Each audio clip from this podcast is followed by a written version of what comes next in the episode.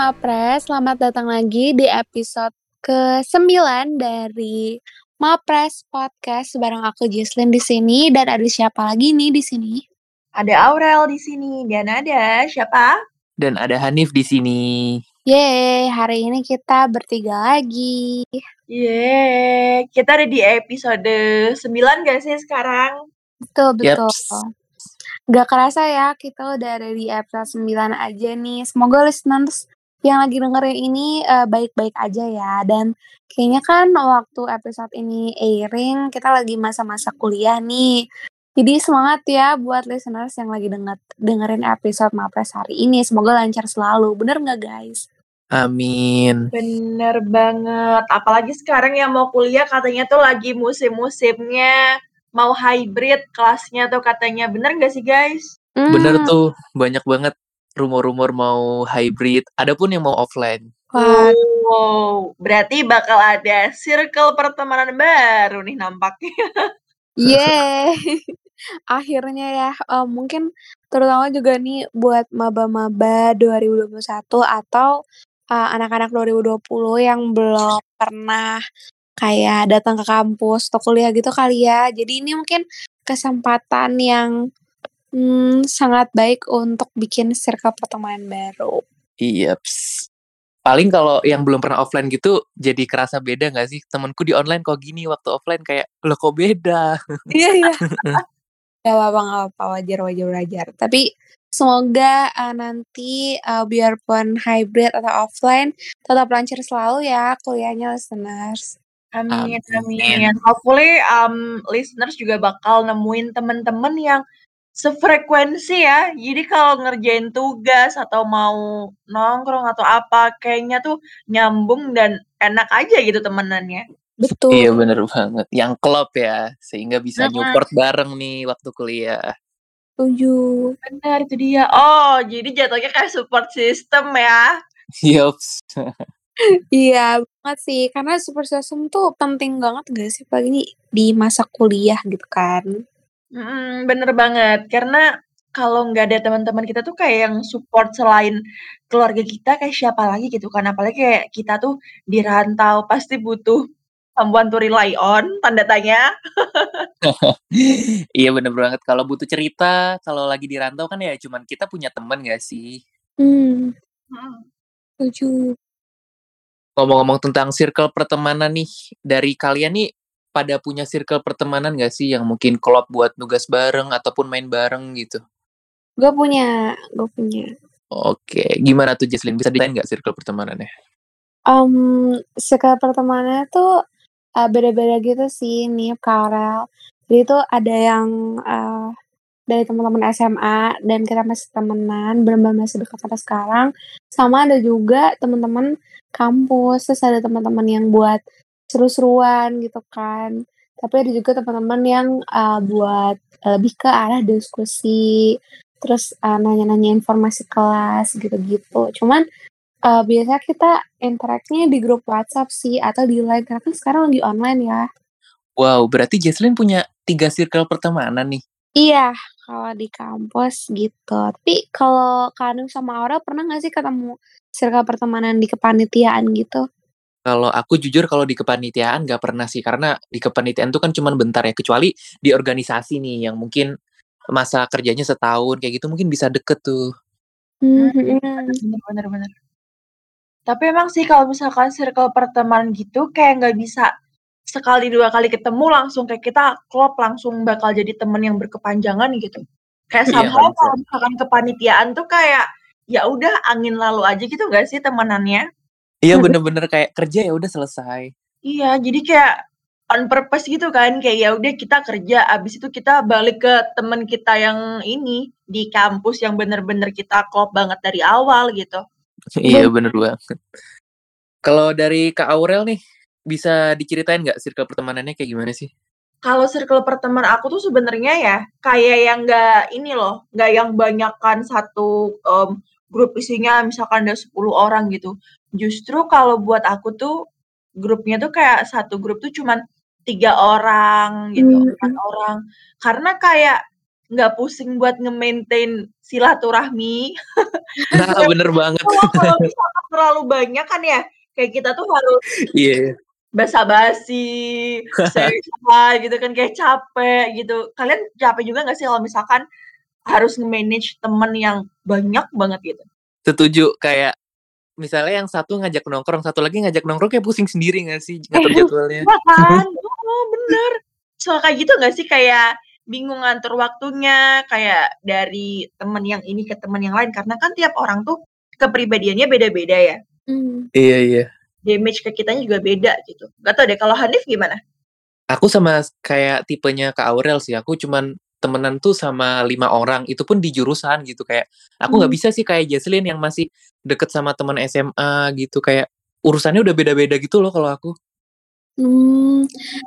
BTW, eee, buat circle yang di SMA nih, aku kan interaknya di tadi ya, di grup WhatsApp karena emang lagi corona gini kan, jadi kita nggak terlalu sering ketemu. Terus emang iya sih kalau yang dari Hanif bilang tadi, mmm, urusannya udah beda-beda gitu kan, udah sendiri-sendiri. Nah, aku sama teman-teman SMA juga nggak tiap hari kayak chatting-an gitu, karena kita punya kesibukan masing-masing kan. Cuman biasanya tuh kayak sebulan sekali kita selalu bikin Zoom call bareng buat cerita-cerita gitu, kayak live update gitu deh. Jadi nggak terlalu sering, tapi seneng aja gitu loh waktu akhirnya ketemu sama mereka lagi, gitu. Wow, keren juga ya Oh. Jesslyn, ngejaga Seru silaturahmi. banget. Ih, seru banget ya. Iya, parah. Eh, tapi aku juga punya grup SMA, bahkan kayak lebih akrab sama teman SMA daripada teman kuliah. Ada yang kayak gitu nggak? Kalau aku enggak sih, kayak udah udah hilang gitu. Oh iya, Mmm. beda-beda ya ternyata ya? Sejak Mhm. corona juga, heeh. Oh iya sih, kayak corona tuh bener-bener mengubah circle pertemanan kita semua nggak sih? Iya. Tapi Tap tipsnya Jesslyn bisa dipakai banget sih, itu kayak ada sebulan Zoom sekali kayak gitu, jadi tetap terjaga. Keren keren. Bener, mhm. Mungkin nanti Kak Aurel kan, eee, punya circle sama teman-teman SMA.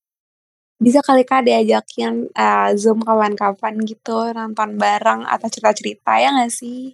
Iya, ih kayaknya Iya seru iya. banget. Atau juga bisa buat Hanif, kalau mau ngontak-ngontakin temen SMA lagi boleh tuh, Nif. Oh, iya Iya, boleh boleh tuh, dicoba tipsnya dari Jesslyn ya. Iya. Makasih BTW.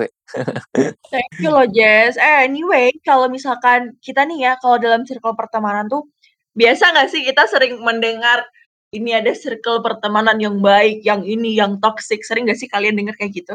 Sering. Sering sering sering denger. Nah, ini nih, kayak aku tuh baru tahu gitu guys, kalau ternyata kita tuh kayak bisa ngebedain mana sih circle pertemanan yang baik sama yang toxic gitu. Tapi sebelum, mmm, ini, kayak menurut kalian circle pertemanan yang baik tuh kayak gimana sih? Eee, kalau menurut aku sih ya, kayak tetap ngejaga fri privasi masing-masing gitu loh. Jadi kayak misalnya aku lagi banyak kegiatan nih, ya temenku harus paham gitu kalau misalnya ya dikurangin lah ngajak nongkrongnya gitu. Kayak jangan misalnya temennya lagi banyak kegiatan terus tetap diajak nongkrong, kan jadi pusing ya. Kalau menurut aku sih gitu. Hmm. Kayak saling pengertian gitu ya. Terus, iya tuh bener jaga privasi karena kita punya urusan masing-masing gitu ya. Iya, terus kayak nggak harus bareng terus gitu. Mmm, oh iya bener bener. Benar benar. Mmm. Kalau buat aku, circle pertemanan yang baik itu adalah circle yang kita tuh bisa jadi diri kita sendiri di situ. Nggak perlu kayak pura-pura gitu loh untuk diterima. Pasti kan rasanya beda ya. Maksudnya pasti sebenarnya kita juga sadar gitu di circle ini kita pura-pura atau enggak. Dan menurut aku circle pertemanan yang positif tuh kalau kita bisa jadi diri kita sendiri dan mereka bisa nerima kita gitu sih. Oh, bener banget, Jess. Ya ampun, Jesslyn ya kalimat-kalimatnya tuh loh mind blowing sukanya. Iya iya, gimana kita bisa enjoy kalau kita nggak jadi diri sendiri ya. Iya, bener.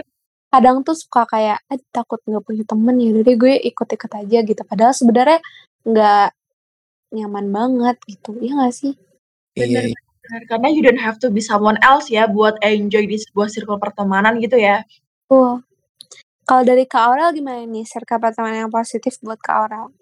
Nah ini, sebenarnya tuh ada yang unik karena dalam sebuah circle pertemanan yang baik kalau da menurut aku ya, kayak gimana kita bisa saling mendukung satu sama lain gitu loh. Bukan Mmm. malah kayak, ya udah ogah-ogahan gitu kan. Biasanya ada nggak sih yang, ya udah sih urusan lo urusan lo, urusan gue urusan gue gitu kan.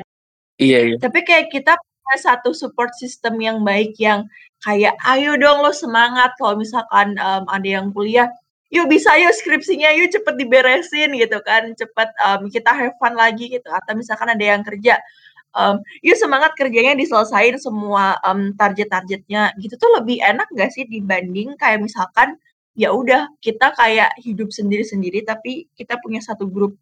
Kayak aneh nggak sih rasanya? Mmm, berasanya kayak nggak punya temen gitu ya? Iya, kayak kita punya temen tapi nggak punya temen, gimana sih? Kayak gimana ya, kayak beda aneh gitu loh rasanya.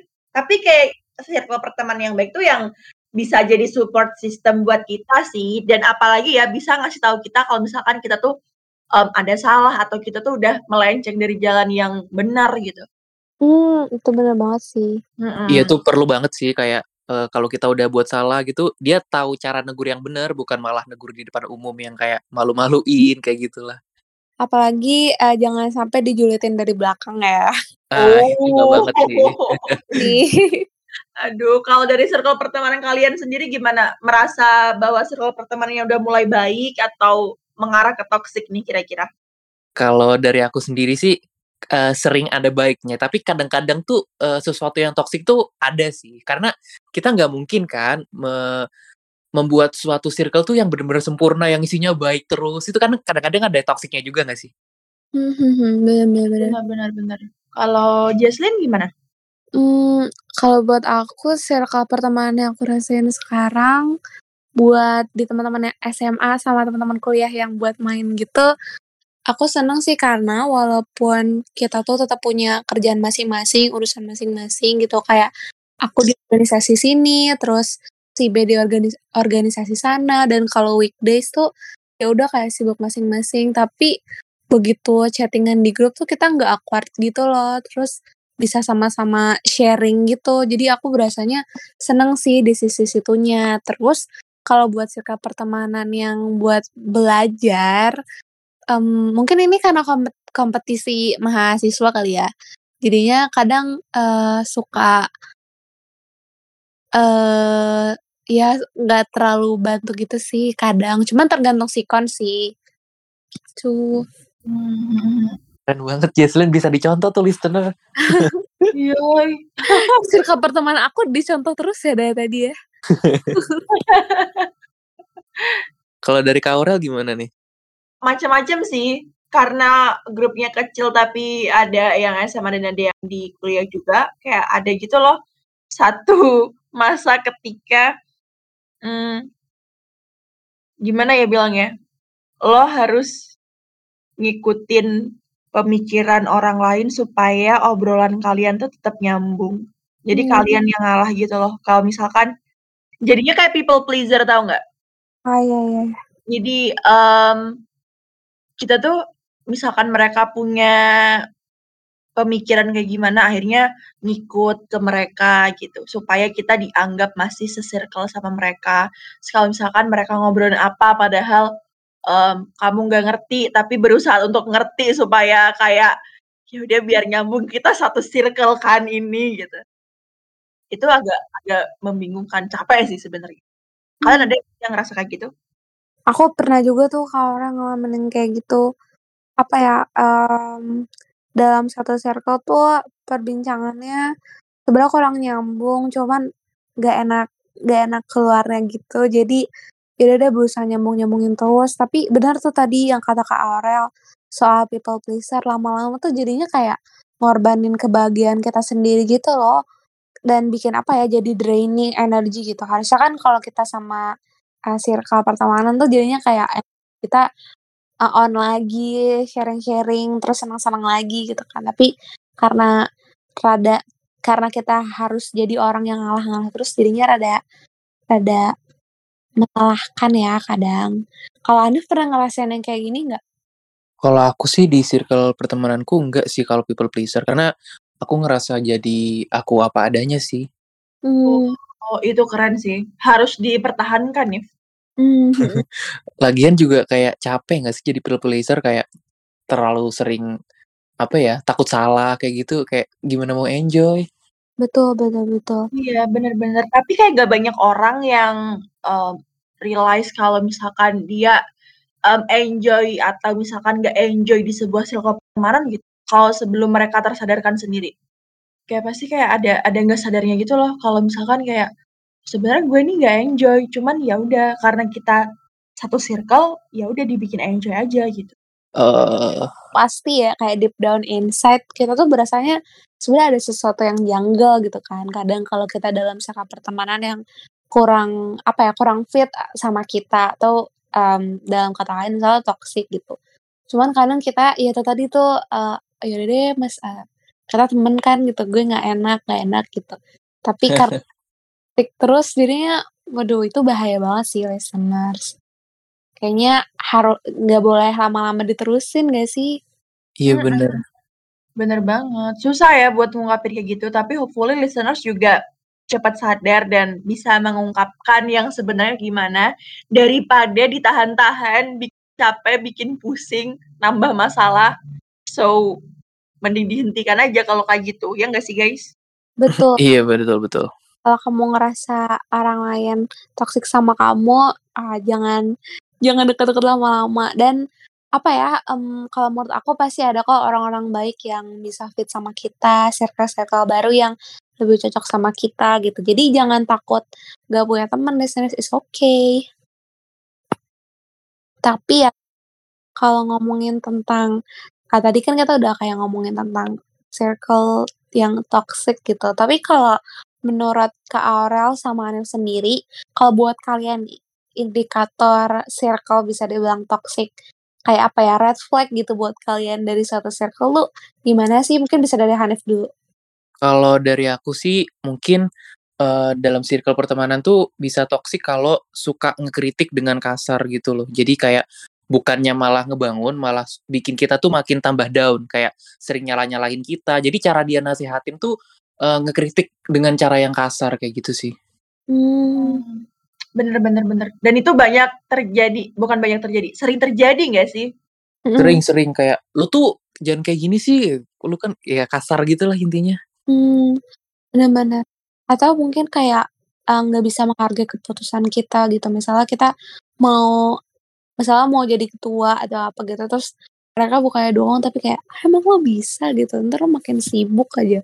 Udah nggak usah lah bla bla bla," gitu-gitu.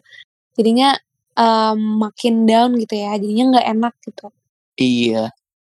Terus ditambah lagi nih, suka nyalah-nyalahin juga kalau udah kayak gitu. Wah, Mhm. itu nyebelin sih. Bayangin kondisinya kita kayak lagi nggak enak, tapi ternyata circle pertemanan kita malah bikin kita makin down gitu dan merendahkan. Wah, Makin bener-bener tertekan juga. bener-bener red flag banget ya, Nif.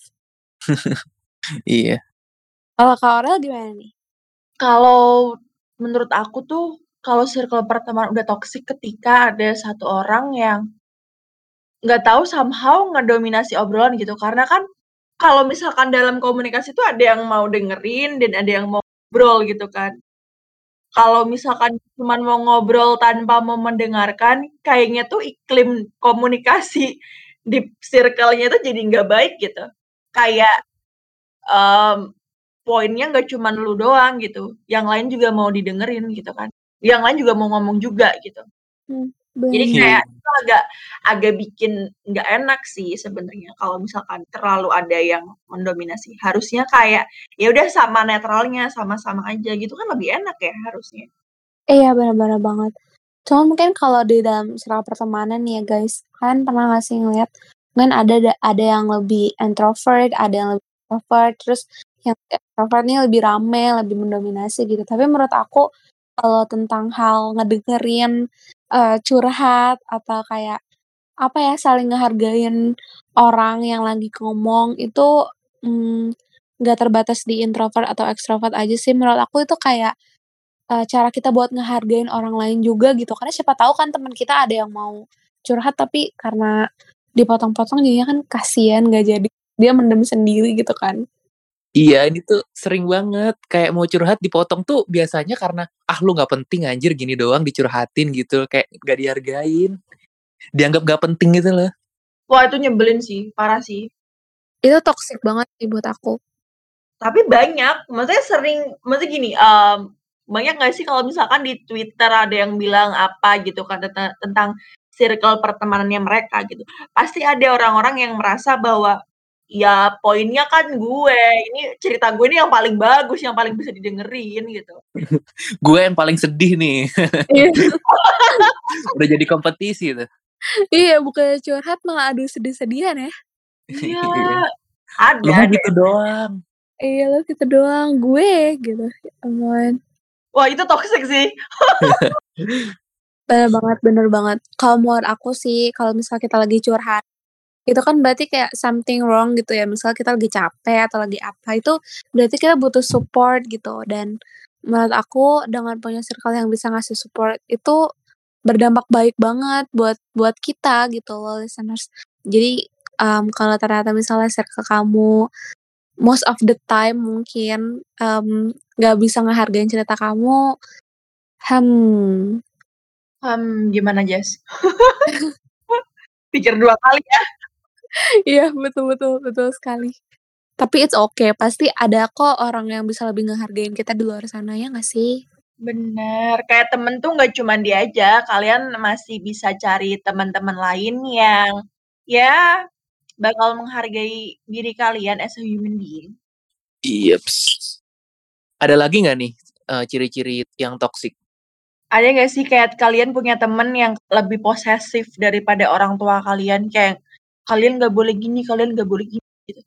Ini toksik juga sih kayak sering maksa gitu-gitu ya. Padahal kalian juga punya waktu kalian sendiri.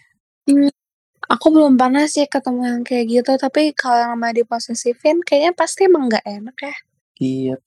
Mhm, bener banget. Eh tapi um, ada satu fakta yang menarik. Apa tuh? Nih, kalian pernah dengar nggak kalau misalkan semakin kita dewasa, semakin kecil circle pertemanan kalian? Iya itu relate sih, itu relate sih. Karena uh, menurutku semakin dewasa tuh semakin terfokus gitu loh circle pertemanannya. Bener nggak? Hmm. Gimana Jess? Bener-bener banget. Uh, ini berhubungan dengan pengalaman circle pertemanan kita masing-masing kali ya. Guys, mungkin kalian juga mungkin Hanif sama Kak Aurel dan listeners mungkin pernah ngalamin nih atau pernah ngerasain kayak kok makin ke sini circle gue makin dikit gitu ya. Terus kadang mungkin kita suka ngerasa apa gue yang salah ya? Orang-orang nggak mau temenan sama gue. Tapi kalau menurut aku karena aku juga ngalamin ini nih awalnya mah aku kayak rada mikir gitu aduh kok uh, gue rada susah ya buat kayak temenan lagi atau gimana gitu. Tapi makin gede tuh kita kayak punya tujuan kita masing-masing gitu loh. Dan orang yang punya tujuan beda tuh akhirnya nggak bisa terus fit in sama kita gitu. Mereka mereka belok kanan kalian belok kiri. Jadi nggak bisa jalan bareng-bareng lagi. Dan menurut aku aku jadi sadar sih kayak it's normal sih kalau misalnya pertemanan kita jadi makin kecil atau kita makin dewasa gitu. Iya bener banget. Jadi kalau buat kalian nih yang lagi ngerasain mungkin uh, makin lama kok makin kecil circle-nya it's normal ya Jess Mm, betul it's normal. Tapi waktu waktu kalian pertama ngalamin itu misalnya kalian ngerasa kayak teman-teman kalian yang dulunya deket gitu kan. Terus nggak jadi deket lagi, perasaan kalian waktu itu kayak gimana, guys? Coba nih jawab dulu nih. Kalau dari aku sih sama kayak yang dirasain Jesslyn, persis deh. Jadi kayak ya emang aku uh, me mau menganggap itu sebagai sesuatu yang wajar dan normal karena ya memang kita punya tujuan masing-masing. Jadi it's normal kalau yang dulunya deket mungkin karena memang tujuanku ke sini dan tujuan dia ke situ ya ya it's normal gitu aja sih. Hmm. Kayak aku juga mikirnya ya udah sih udah udah makin gede mungkin mau mengejar mimpinya masing-masing dan jalan kita beda. Tapi kayak adaptasinya itu sih proses ketika kita menyadari bahwa itu normal. Susahnya di situ nggak sih teman-teman? Mhm. Benar-benar. Kehilangan gitu. Mhm. Apalagi apalagi kayak nggak menutup kemungkinan orang-orang yang yang pergi itu orang-orang yang deket banget sama kita dulu gitu. Kayak kita kita ngerasa kayak, "Ya kita deket banget dari SMA atau apa," tapi ternyata emang emang jalannya beda dan tiba-tiba kayak udah nggak deket lagi jadi ngerasanya, "Oh kita nggak temenan lagi ya," gitu-gitu. Pasti kayak iya benar sih kata Kak Harel, proses untuk menyadari kalau it's normal gitu. Mhm, belum lagi kalau misalkan um, tapi sebenarnya bukan gini, um, kita tuh diuntungkan dari proses karena kita bisa ngesortir mana yang beneran temen kita selalu ada ketika kita senang dan susah, mana yang ini tuh bener-bener fake friends yang datang kalau pas seneng doang gitu. Betul betul betul. Kalau dari Jesslyn kan udah nyeritain tuh mungkin pengalaman circle pertemanannya yang semakin mengecil. Kalau dari Kak Aurel gimana nih? Ada nggak pengalaman tentang circle pertemanan yang pernah dialamin? Uh, nggak jauh beda sih sama Jesslyn atau mungkin listeners juga ya sama aja gitu kayak makin gede ya makin kecil gitu. Orang tuh ngobrol sama kita ya kalau ada pentingnya aja gitu loh sekarang. Jadi kayak nggak bisa basa-basi kayak eh lo lagi ngapain sibuk apa gitu tuh kayak jarang banget itu loh paling kayak kalau udah penting mendesak banget baru gitu ada yang datang kecuali bener-bener temen yang mungkin kayak kata Jason ya yang silaturahminya itu udah deket banget di maintain tiap hari atau misalkan sebulan sekali kita bisa fit call itu baru ada gitu kalau Hanif gimana? Kalau dari aku yang kalian rasain aku juga ngalamin juga. Cuman aku ada pengalaman juga kayak hal hal-hal yang toksik tuh kadang juga terjadi gitu kayak misalnya kompetisi terus apa ya mendominasi juga kadang suka ada yang motong curhatan gitu-gitu aku juga ngalamin sih. Hmm. Jadi emang beda-beda ya bervariasi ya circle iya, pertemanan. Iya bervariasi. Uh -uh. Betul betul bervariasi berbeda-beda.